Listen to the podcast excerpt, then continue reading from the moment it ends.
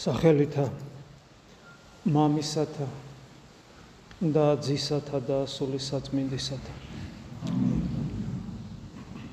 ერთი კვირა გვაშორებს დიდ მარხვის დაწყებას.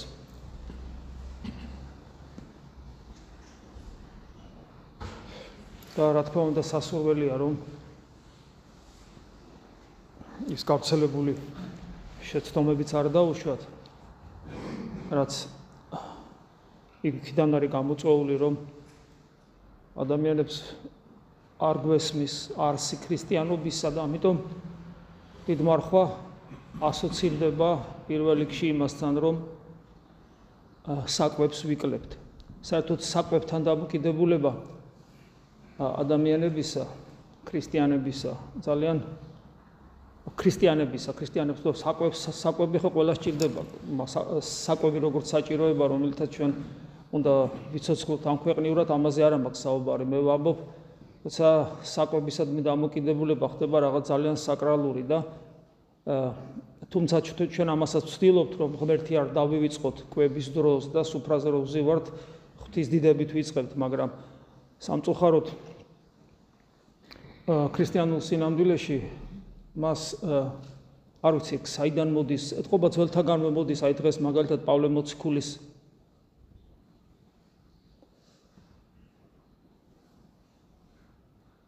პავლე მოციქულის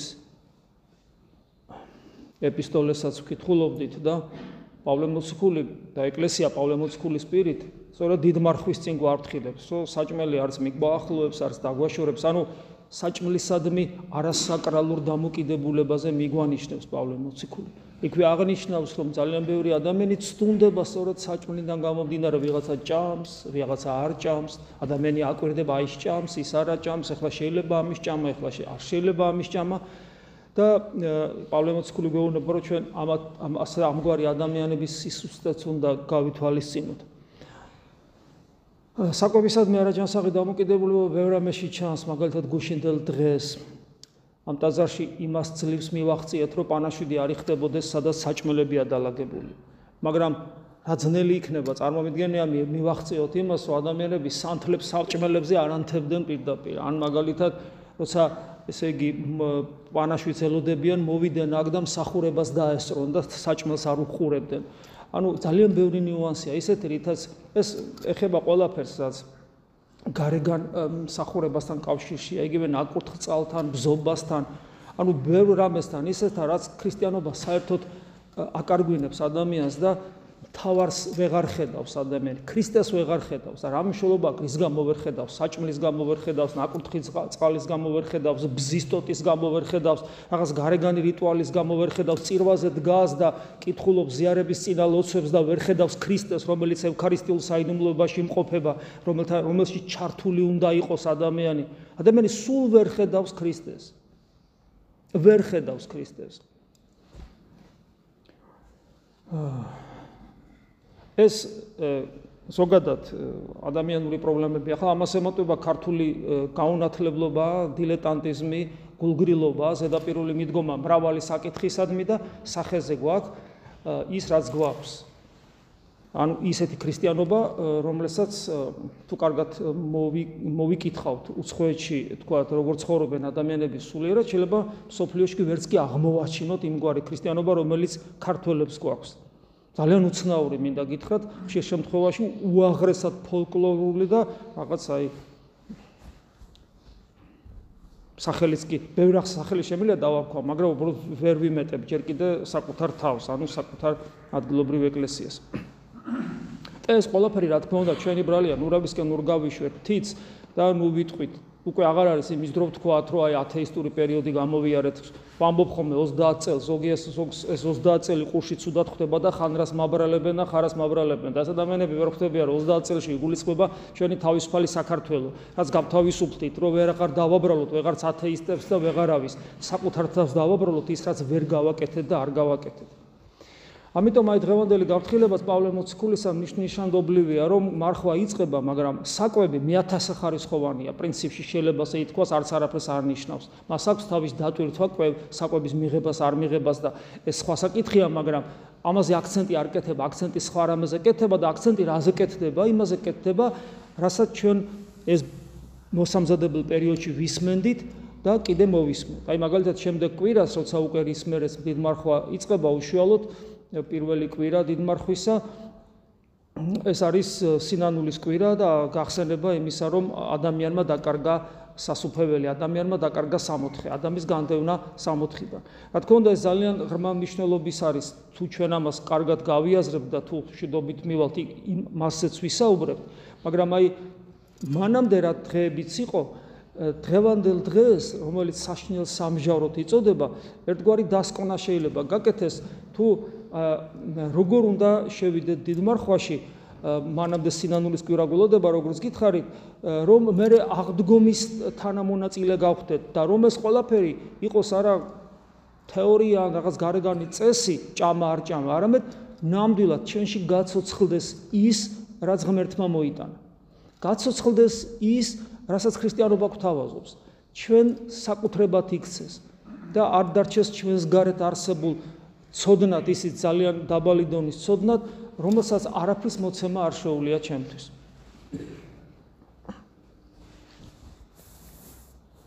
ეს დღეები, ეს კვირეები, როცა ჩვენ გვამზადებდა ეკლესია დიდ მარხვისათვის გახსოვთ რა კვირეები გავიარეთ. პირველი ეს იყო ზაქეს კვირა და ზაქეს კვირაშიც და დანარჩენ კვირეებშიც გვახსოვს უფლის უცნაური დამოკიდებულება ადამიანური სიმართლისა და ადამიანური ზნეობისა მე როდესაც უფალი თავდაყირად ვიყენებს ყველაფერს და გვეუბნება რომ ის შენი წარმოდგენები ამ სამყაროზე რომელიც გააქვს არ უნდა იყოს არ არის მყარი და ის შეიძლება იყოს მცდარი და არ შეიძლება მასე დააფუძნო შენი მსოფლმხედველობა იმიტომ რომ შენი სიმართლეც და შენი სამართლიანობის სამართლიანობაც ეს ყველაფერი არის ადამიანური, რომელიც სამწუხაროდ ძალიან ბევრ შემთხვევაში ბევრ ცდომილებას მოიცავს, იმიტომ რომ ჩვენ ვერ ვხედავთ ადამიანის გულს და გარდა ამისა, იყო ძალიან მნიშვნელოვანი უშუალოდ ღმერთთან ურთიერთობის თვალსაზრისით. გახსოვთ, როდესაც ზაქე ეს ადამიანი, რომელიც ყველაზე ცუდი ადამიანი იმ ქალაქში შეიძლება ასე ითქვას, ატომღაც მას აქვს სურვილი ქრისტეს დანახვისა და იქ როგორი სიტყვა წერია გახსოვთ მას აინტერესებდა აბა ვინ არის? ეს არის ძალიან მნიშვნელოვანი თუ ჩვენ სულიერი ცხოვრების პირადი სულიერი ცხოვრების ჭრილში გადავიტანთ და ჩვენ თავს ჩაუღმავდებით და აი ამას ზაქეს ამ დამოკიდებულებას სამაგალითოდ ავიღებთ. ნახეთ ზაქეს რა აინტერესებს. ვინ არის? ვინ არის იესო ქრისტე გასაგებია აქ არის ზედაპირული განმარტება რომ იმდენ ხალხში როგორ უნდა ეცნო, მაგრამ ჩვენ ხო ვიცით რომ ყოველთვის უნდა სიღრმისეულად გავიაზროთ თითოეული საკითხავი, იმიტომ რომ თუ მხოლოდ ასე ზედაპირულად ისტორიულ კონტექსტში განვიხილავთ, არაფრის მომცემი არ არის. ზაქემ ნახა ქრისტე და მიიყვანა სახლში და მორჩა და მე რა, მე არც არაფერს, ვერც ვერაფერს ვიგებ და ვიღებ ამისგან. მე უნდა სულიერ პლანში განვიხილო, ამიტომაც არის ის ღვთის სიტყვა და არა უბრალოდ რაღაცა ისტორიული თხუზულება, ვინ არის? ანუ ჩემთვის ძალიან მნიშვნელოვანია აი ეს ეს ეს მაგალითად ავიღოს აქესგან რომ მე სულიერი ცხოვრება თუ მსურს მე თუ იმ სიმდაბლის ხეზე ავდივარ თავი დაიმდაბლა ხო იქ რო აძრა და ყოველს დასანახავი გახდა ეს თანამდებობის პირი.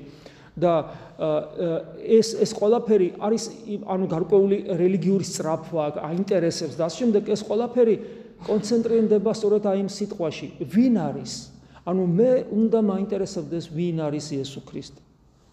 ვინ არის იესო ქრისტე? ის რომ ჩვენ ხშირად ეს არ გვაინტერესებს, თუ იქიდანაც ხომ ჩანს, რომ ადამიანები წლების განმავლობაში ცხოვრობენ და არ უყვართ კითხვა. ხშირად ვამბობთ, რომ იმისათვის რომ სულიერად გაიზარდო, კითხვა უნდა შეიყვარო. აი, უნდა შეიყვარო. ეს არის ვალდებულება. უნდა შეიყვარო კითხვა წმინდა წერილისა, ანუ გულისხმობ 27 წიგნს ახალი აღთქმისას და უნდა შეიყვარო კითხვა ეკლესიის მოღვაწეებისა, მამებისა. იმიტომ რომ უფალმა რომ უფლის სიტყვები და უფლის ცხოვრება რომ ოთხ სახარებაში იქნა გადმოცემული, მე მე უკვე საქმე მოციქულთაგან დაწყებული და პავლე მოციქული და სხვა მოციქულების მიერ წერილებში არის რა გადმოცემული. როგორ გაიგეს? მათ სახარება. როგორ გაიგო პავლემ, პეტრემ, იუდამ, იაკობმა და ასე შემდეგ, როგორ გაიგეს მათ სახარება, როგორ გაიგეს მათ ქრისტეს სწავლება, ქრისტეს სიტყვები, ქრისტეს ცხოვრება? და მათ თავიანთ პირად გადმოცდილებას გვთავაზობ. და ხომ არ დამთავრებულა ეკლესია პავლე იონე მოციქულით, რომელიც ყველაზე გვიან გარდაიცვალა, ხომ არ დასრულებული? ხო იყვნენ მე მოციქულთა მოსწავლეები, მე იმათი მოსწავლეები, მე იმათი მოსწავლეები და აგერ 2000 წელზე მეტი გავიდა 21 საუკუნე. ეკლესია ხომ ცოცხალი ორგანიზმია. ანუ ხომ იყვნენ ყოველთვის ეკლესიის წიაღში ადამიანები, ვინ არიან წმინდანები, რატო გვაქვს მათი ხატები? გავიხედოთ, შევხედოთ, ვინ არიან ეს ადამიანები? ეს ადამიანები არიან ისინი, ვინც მთელი ცხოვრება შესწირეს, გაეგოთ, ვინ არის იესო ქრისტე. და გარკვეული წარმატებები ქონდათ მათ ამ საქმეში და ისინი სულ ეძებდნენ და მადლობა ღმერთს ისინი არ იყვნენ ასე ეგოისტურად განწყობილი და ვისაც ნიჭი ქონდა მიცემული მეტყველებისა და ყოველას არ ქონდა ეს მაგრამ ვისაც ქონდა მეტყველებისა და ვისაც ქონდა წერის ნიჭი ხო ისინი წერდნენ ჩვენთვის ჩემთვის და შენთვის წერდნენ რომ ჩვენ წაგვეკითხა და მათი გამოცდილებაც გაგვიაზრებ მათ გამოცდილებასაც ზიარებულ ყოფილიყავით ანუ მთელი 2000 წლის განმავლობაში აი ვინ არის იესო ქრისტე? ვინ არის იესო ქრისტე? ეს გამოცდილება პირადი გამოცდილება დაფიქსირებულია მრავალი ადამიანისგან დაწყებული მოციქულებისგან და უკანასკნელ მოღვაწეებამდე რომლებიც დღემდე არსებობდნენ და აგერ მე-20 საუკუნეში 21 საუკუნეში გადასული თელი დაასიყავთ წმინდანებისა მარტო ბერძნებზე რო ვისაუბროთ. დასი წმინდანების. ერთი და ორი კი არა. უამრავი წმინდა კანონიზირებული წმინდანი ყავდა, კიდევ უამრავი რომელიც კანონიზაციას ევედრება, ელოდება. ჩვენ ველოდებით უფრო სწორედ მათ კანონიზაციას. და ეს ადამიანები მე როგორ ადამიანებზე ვსაუბრობ, რომლებიც წერდნენ, წერდნენ, წერდნენ, სულ წერდნენ და უამრავი ტომები და ტომები და ტომები არსებობს. ну სავალალო ქართულად არაფერი გვაქვს, მაგრამ არის ну სხვა ენებზე რუსულად, ინგლისურად მრავალმა ადამიანმა იცის ეს ენები. ბერძნულად ცოტა იცის, ცოტა მიცის, მაგრამ არის, ხო? ანუ როცა მე ეს არ მაინტერესებს. წარმოგიდგენიათ ზაქე, რომელიც რომელსაც აინტერესებს ვინ არის იესო ქრისტე და არ მოусმენდა სხვას. ნეტა ვინ არის იესო ქრისტე? ასე რომ ეს არის ძალიან მნიშვნელოვანი. მე გვახსოვს შემდეგი კვირა მეზორისა და ფარისევლის კვირა და როდესაც მეზორე ლოცულობს, რომ ღმერთო მილხინე მეწოდილს ამას, ანუ ფაქტურად ეს არის გონიერი ლოცვის საფუძვლები, ხო? საკუთარ თავში ჩაღმავებული, თავჩაქინდრული, საკუთარ უღირსობის ჭვრეტელი და მხედველი, თავის აწევის ღირსათაც ართulis თავს და როდესაც ფარისეველი თავის რელიგიურ წარმატებებს ჩამოთვლის და სიკეთეებს, რას მიანიშნებს ფარისეველს და ანუ ჩვენ, როცა ჩვენ საკუთარი თავი მოგწონს სულიერ და ზნეობრივ ცხოვრებაში, რას მიგვანიშნებს უფალი? აი ამ იგავური სახით, რომ შენი ლოცვაც თეოდორე როგონია თავი რაღაცას წარმოადგენ, შენი ლოცვაც აი ესეთი უნდა იყოს, როგორიც იმ მეზვერის ლოცვა არის. უფალო მილხინე, ანუ გამწმინდა მეწოდვილი, გამწმინდა მეწო გამწმინდა მეწოდვილი, ამას ნიშნავს მილხინება, გამწმინდას ნიშნავს. ანუ და შემიწყალი, ანუ შენელოცვას ასეთი უნდა იყოს. ბუნებრივი ადამიანი ამას არ ამბობს, მაგრამ ქვეცნობიერი მუშაობს ესე, ქვეცნობიერი მუშაობს ესე. როგორ კაცო, ეს ნაგავი და ამ ნაგავმა, რომელიც რომელიც ჩემთვის სამაგალითოა, ნაგ მადლობა ღმერთო, ეგეთი ნაგავი რო არა ვარ, ეს ნაგავი და მე ერთერად როგორ უნდა ლოცულობდე. მაგრამ უფალი ამით მეუნება ამიგავით, რომ დიახა, ჩვენც ესე უნდა ლოცულობდე. ანუ ეს ხომ იმას ნიშნავს, რომ ის რასაც მე ვაკეთებ, გარეგნულს არც არაფერს არ ნიშნავს ღვთის წინაშე, იმიტომ რომ უფალი ჩემგან იმას ელოდება, რასაც მეზვერე აკეთებს. მეზვერეს ეს ეიოლება, იმიტომ რომ არაფერი კაი არ გაუკეთებია ამ საწოდავს და ხოლო ცუდი აქ ნაკეთები და ეიოლება, თქვას რომ შემიწყალეო და ჯო მე კიდე ამდენი სიკეთე ნაკეთები მაგდა. ეს სიტყვები როგორ უნდა მოვიდეს ჩემი გულიდან თან ისე რომ მე ვიყო გულწრფელი. მაგრამ უფალი სხვა გზას არ მიტოვებს, მეუბნება ეს გამართლებული გამოვიდა. შენზე მეტად დავაყენე მე წინ ეს. შენ ხო სიკეთეს აკეთებდი, ეს შენზე წინ დავაყენე. აი ამ სიტყვების გამო.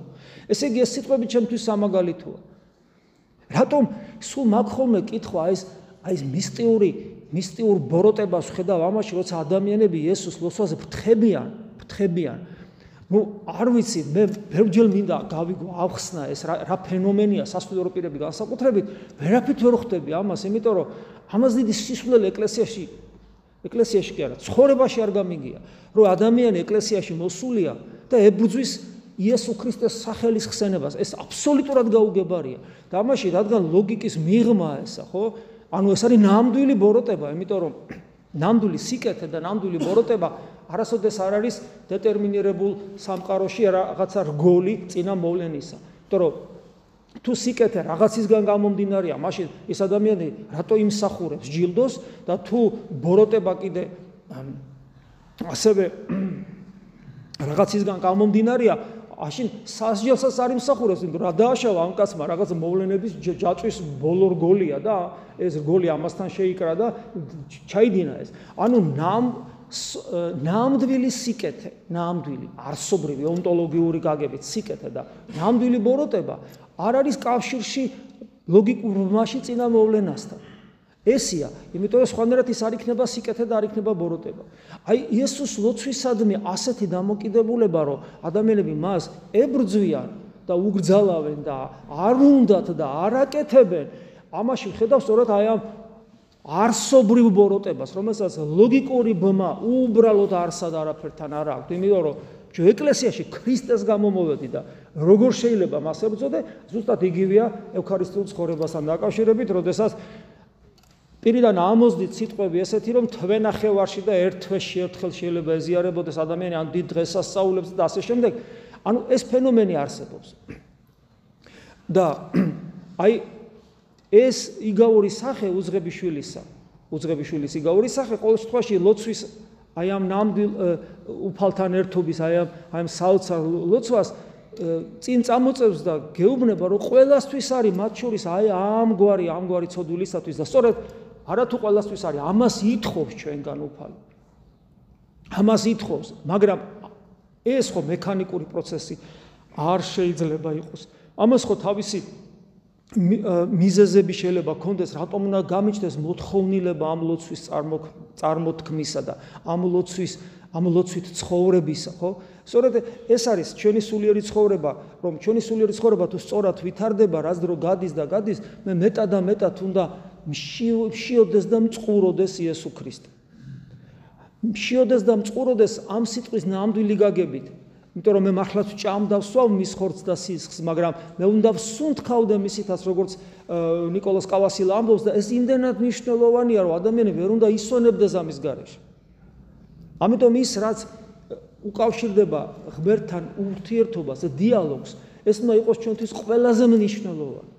ამიტომ არასოდეს არ უნდა დაუკმაყოფილდეთ იმ ლოცვით, რომლითაც ჩვენ ლოცულობდით აქამდე დღევანდელ დღემდე, იმიტომ რომ ჩვენი სიტყვა არ იყო ყოველთვის ნამდვილი, გულწრფელი, ალალი, გულზემიბული და ასე შემდეგ. ამის garaშე, ამის garaშე, ჩემში არ არიბადება ის ადამიანი, რომელსაც აქვს მწველი მოთხოვნილება მხსნელისა. და ჩემთვის ქრისტიანობა უბრალოდ რაღაც რელიგიური კონცეფცია, რომელიც ჩემს გვერდზე ჩაივლის როგორც დიდი წყალობა და მადლი და ჩემს გულს ის ვერ შეეხება, იმიტომ რომ თავარი სწორედ ქრისტია აქვს. ქრისტე, რომელიც მოკვდა ჩემთვის და მე მის გარეშე ცხოვრება არ უნდა შემეძლოს. და შემდეგი კვირა იყო გახსოვთ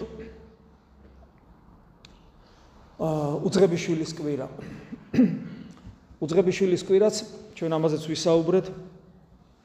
რა თქმა უნდა, ასაც აქაც უნდა ეს ყველაფერი საკუთარ თავში გავიაზროთ ეს ყველაფერიც ეს იგავური სახეც საკუთარ თავს განვუკუთნოთ და ვთქვით რომ ეს არის შორს შორსა სოფელში მყოფი გონება ანუ ნუს ბერძნულად ანუ შორსა სოფელში მყოფი გონება რომელიც შორი სოფელი ეს არის ლოგიკა ლოგიკაში ჩამჯდარი გონება რომელიც აი ამ ლოგიკური ინტელექტუალური ორგანოთი იკოლებს სამყაროს და გონების საკვლევი ეს სამყარო არ არის, ეს არის ინტელექტის საკვლევი, გონების სამყაროა ტრანსცენდენტული კავშირი ტრანსცენდენტულ ღმერთთან, ანუ სამყაროს მიღმიერი კავშირი სამყაროს მიღმიერ ღმერთთან.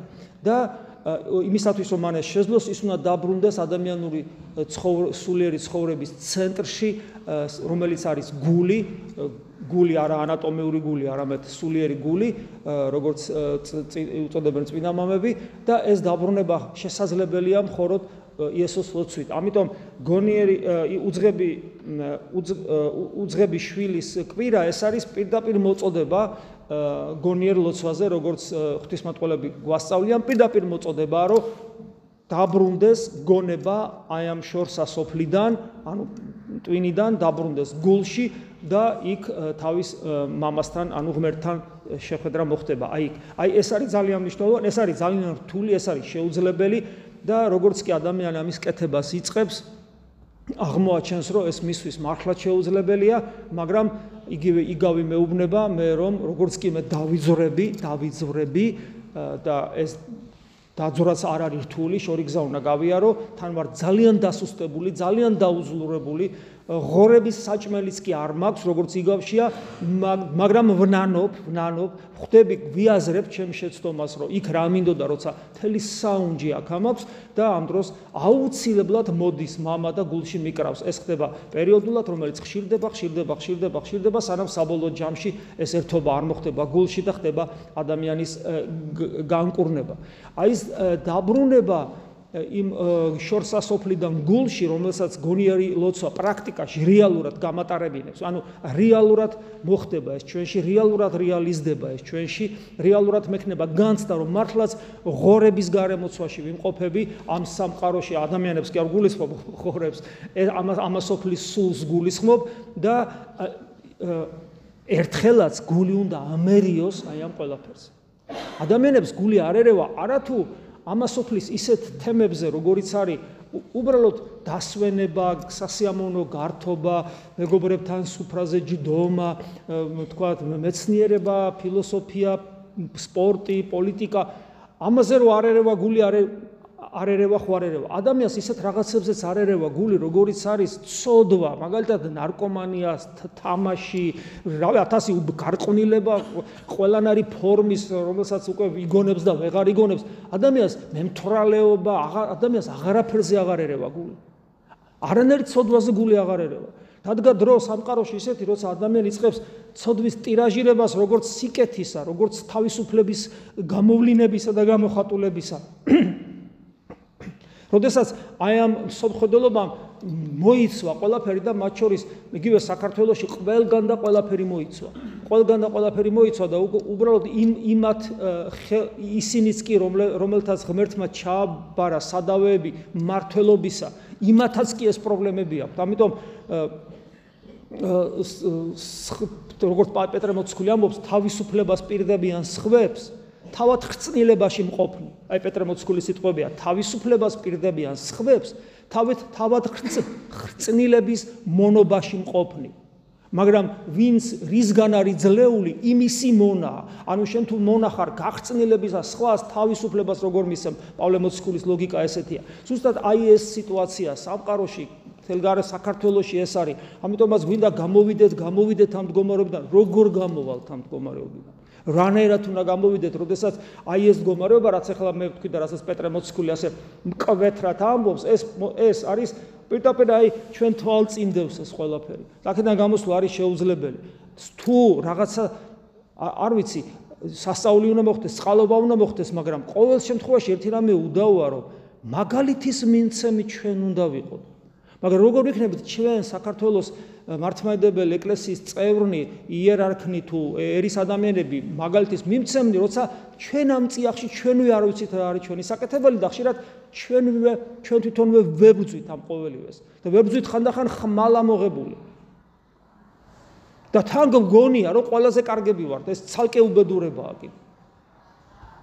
ამიტომ აი ეს გულში დაბრუნება ეს ეს არის ის რაც უნდა გაკეთდეს, რაც უნდა მოხდეს სხვაგვარად ადამიანი უბრალოდ ადამიანის ქრისტიანობა არის ნუ აი სასაცილო აი მე აქ არიან ახალნოსული ადამიანები, მაგრამ აქ არიან ადამიანები, რომლებსაც რამდენიმე ათეული წელიწადი შეუწირავთ ეკლესიური ცხოვრებისათვის.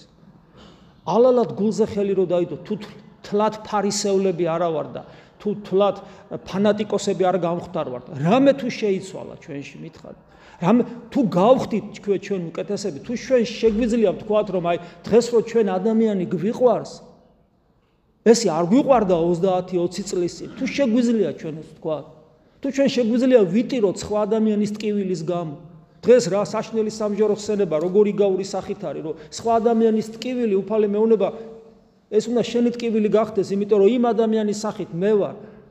და შენ თუ ადამიანის თანა არ ელმებ, ელ თანა არ ელმობი მის ტკივილებს. თანა არ ელმობი მის განცდებს, მის პრობლემებს, მის ცრემლებს.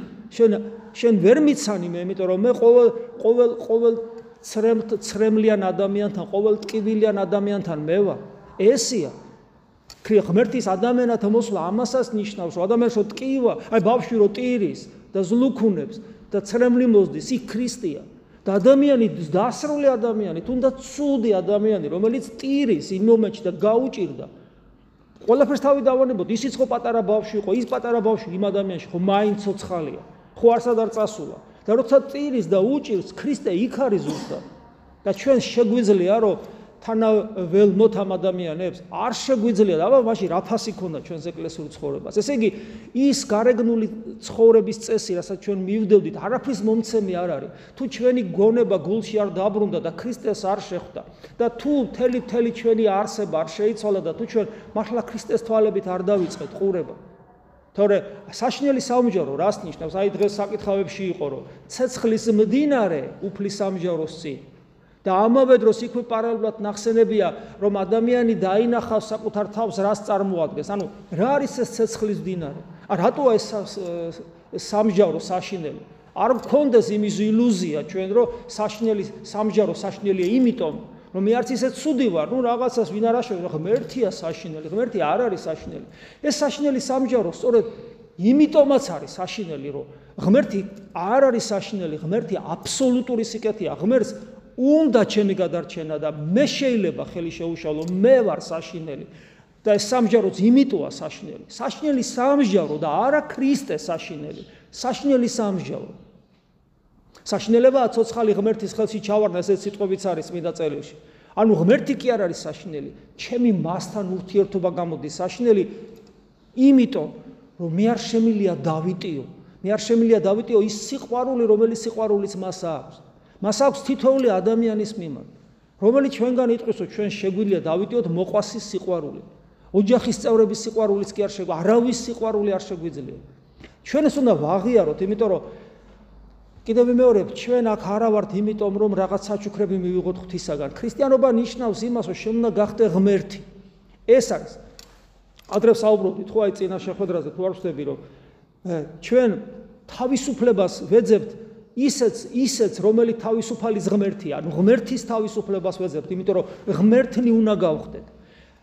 ანუ ღმერთი უნდა გახდეთ და ღმერთი რომ გახდე და და სხვა ცხონება არ არსებობს. ან გახდები ღმერთი, ან დაკარგავ ქრისტესთან ერთობას. აი ქრისტესთან ერთობის დაკარგვა არის საშინელება. რომელსაც ჩვენ შეიძლება ეხლა ვერ გვგზნობთ. ხანდახან შეიძლება გვიგზნოთ თუ გამოგვიცდია ღმერთის შეხება ჩვენს გულში. ღმერთის დაკარგვა სამუდამო დაკარგვა, იმიტომ რომ მე არ მინდა თურმე ქრისტესთან ყოფობა არის ყველაზე საშნელი სატანჯველი. იონოქროპირი ყოველ შემთხვევაში ესე ამბობს, რომ თუ რამე სატანჯველს წარმოვიდგენთ ჯოჯოხეთში, ვერაფერი შეედრება უბედურებას, რასაც ქვია ის, რომ ქრისტეს სამუდამო დაკარგა. ეს არის აი სუნთქვას რომ გადაგიკეტავენ, მაგრამ ცოცხალი რჩები, ანუ სიцоცხლეს წაგართმევენ, მაგრამ არსებობ. ანუ სიცოცხლე არა გაქვს, მაგრამ არსებობ. აი ეს არის ჯოჯოხეთი, იმიტომ რომ სიცოცხლე ქრისტეა. სიცოცხლეს კარგავ, იმიტომ რომ შენ ვერაფრით ვერ მოახერხე მასთან ყოფნა. მაგრამ არსებობ, აი ეს არის ჯოჯოხეთი და დამერწმუნოთ, რომ ეს არ არის არავის ბრალი გარდა ჩვენ თითოეული ჩვენგანისა. და იმისათვის რომ ეს არ მოხდეს, იმისათვის რომ ჩვენ შევძოლოთ ქრისტესთან ერთობა, ამისათვის არის სწორედ გონების გულში დაბრუნება და ქრისტესთან შეხვედრა, სანამ ცოცხლები ვართ. სანამ ცოცხლები ვართ, რომ ჩვენთვის შეხვედრა ქრისტესთან არ იყოს საშნელი. მეცას ვიტყვი, ჩვენთვის გახდეს სანუკვარო, უფლის დაბრუნება და გარდაცვალება. როცა ადამიანებს მეორედ მოსვლის ეშინიათ, ეს შიში ჯერ ერთი უცოდინრობის გამოა, იმიტომ რომ რატო უნდა გეშინოდეს ქრისტეს დაბრუნების და მეორე კვეცნობიერად მართლები არიან, იმიტომ რომ ადამიანებს არ უნდათ ქრისტესთან შეხვედრა. ამასენად ერთი ათეისტი საუბრობდა, საინტერესო იყო, როცა კუთხეში მიამწყდიეს ბჭყალებში საბოლოოდ აღიარა და თქვა, მე არ მაწყობს რომ ღმერთი არსებობდეს. აი არ მაწყობს, იმიტომ რომ რატო ეკითხებიან, რომ არ გინა მარადიული სიცოცხლე. ღმერთი რო იყოს, ისე ვეღარ ვიცხოვრებ როგორც უნდა როგორც ცხოვრო. ხე ეკითხებიან, ტელევიზიაში ხდება. ჯო რას აკეთებ ეს? აი რას აკეთებ ეს? აი მაგალითად მე მიყვარს პიასე დავждე და საგარი მივიღო. ხო და აი ამას რაღაცნაირად ეს შეიძლება ვიღაცას არ მოეწონოს, ვიღაცა მღვდელს შეიძლება რას ვერ ჩიხე, ვიღაც სადღაც ის, მაგრამ სიტყვაზე ვამბობ. გესმით, სადამდე დაყავს ადამიანს თავისი ღირსება. ასეთ რაღაცას რო უყურებ, ახალგაზრდა ადამიანი ყვება ამას. რა გჭება, გარდა იმისა, რომ იტირო, იმიტომ რომ ვაი შესაწყალო რა გჭირს? რა რაზე დაყავს საკუთარი ღირსება ადამიანური? გესმით, მაგრამ ეს ზოგი ზოგს აქვს ეს თავხედობა ქვია თუ სიმამაცე ქვია, სიმამაცე სათნოება ვერ უწყვი თავხედობა ქვია. თუმცა ამას ესე ესე დეკლარირებას აკეთებს თავისი პირუტყული ბუნებისა, მაგრამ უმრავლესობა ამას ესე არ აკეთებს, ამის ამის თავხედობა არ ყოფნის ადამიანს, მაგრამ ქვეცნობიერად ხო ეს მუშაობს. რამდენჯერ უგძნი ადამიანს, რომ მას არ აწყობს ღმერთი რო იყოს. იმიტომ რომ ნუ აი ვერ ცხოვრობს ისე მას როგორც უნდა.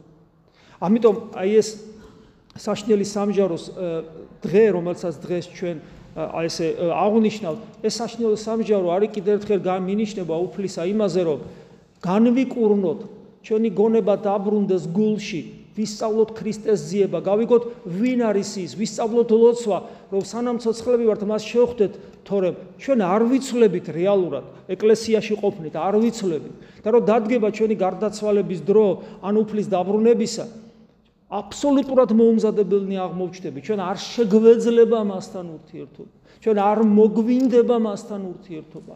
ჩვენ ავირჩევთ არსებობა სიცოცხლის გარეშე.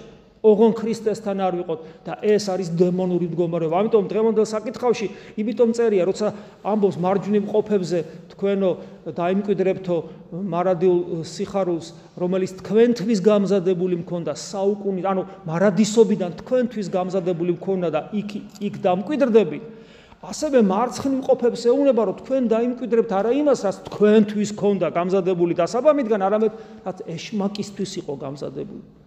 ანუ ამით მიგვანიშნა რომ წმინდა წერილმა რომ ადამიანის მდგომარეობა რომელიც რომელსაც რომელსაც არ შეეძლება ქრისტესთან ყოფნა მისი შინაგანი მდგომარეობა იქნება დემონური ეშმაკს ემსგავსება ადამიანი ამიტომაც იმკვიდრებს იმ მდგომარეობას რა მდგომარეობაც ეშმაკისთვის არის გამზადებული. ანუ დემონური მდგომარეობა დემონური და რა არის დემონური მდგომარეობა? მდგომარეობა როცა არც მინდა და არც არც შემიძლია ქრისტესთან ყოფობა. და სანამ ჩვენ აქ ვართ, სანამ ცოცხლები ვართ, მანამდე ჩავიხედოთ საკუთარ თავში. და იქ სადაც მე მაგ არჩევანი ქრისტე თუ სხვა რამე, ყოველთვის გავაკეთოთ არჩევანი ქრისტეს სასარგებლოდ, თუნდაც ამაზე საკუთარ თავზე ძალადობა დამჭირდეს, იმიტომ რომ ის რაც მიძალიანდება, ის რასაც ქრისტე არსულს, ის სწორედ დემონური საწყისებია ჩემში, რომელიც უნდა ჩავკლა და მას გასახანი არ მივცე. აი ამ განწყობით უნდა მივიდეთ ჩვენ დიდ მარხვაში. და მე აი ასეთ განწყობით თუ მივხვალ, მე რა მივხვდები რომ ჭამი არ ჭამო კი არა და პანაშვიდი და სანთელი და ის კი არა რომ რაღაც გარეგნულზე ჩაფოფილებული ადამიანი. მხოლოდ იესო ქრისტე. ამისთვის, მხოლოდ ამისთვის და ყველა მსახურება რაც კი იქნება გახსრულებული. ჩვენ ხო იმ მსახურების სულ სპექტრს ვერ გთავაზობთ. რაც დიდ მარხვას ახლავს, იმიტომ რომ აქ არ ვცხოვრობ ჩვენ, იმიტომ რომ მონასტერი არ აქვს. მაგრამ რასაც ვაკეთებთ, ვცდილობთ ხარისხიანად მოგაწოდოთ, გასაგებად მოგაწოდოთ, თქვენ მაქსიმალურად ჩართულები იყოთ. და ყველაფერი განკუთვნილია იმისათვის, რომ ჩემი გული გაიხსნას ჩემთვის, ვე, ჩემი გონებისთვის და იქ რომ ქრისტეს შევხვდე. ყველაფერი იმისთვისაა, რომ მე ქრისტეს როგორმე შევხვდე. როგორმე. და მაშინ უკვე აღდგომა, აღდგომა. ეს რეალობაა, რეალობად იქცევა, თუ ქრისტეს შენახვედრივა, ქრისტე აღდგარია მკვდრეთი. ის ჩემ გულშია და ჩემთვის ქრისტე აღდგა არის არა ის რაღაც ისტორიული რაღაცის გახსენება და გახსნილება ხორცით, არამედ ქრისტე აღდგა იქნება რეალობა, რომელსაც მე გულით განუცი და გულის სიხარულით ხტის ამ დროს. ამ დროს ადამიანს არაფის აღარ ეშინია, ადამიანი საკუთარ თავში მარადილ სიცოცხლეს ატარებს. ადამიანის სიკვდილი აღარ არსებობს. მე სიცოცხლე დავინახე, ვიპოვე და შეუერთდი ამ სიცოცხლეს, რომელსაც იესო ქრისტე ქვია. და ჩემთვის აღარ არის მასთან შეხვედრა საშინელი. პირიქით, ეს არის ბედნიერება და სიცოცხლე. მადლი უფლისა ჩვენის იესო ქრისტეს და სიყვარული ღვთისა და მამის და ზიარება სული საწმინდის აიყოს თქვენ ყოველთა თან.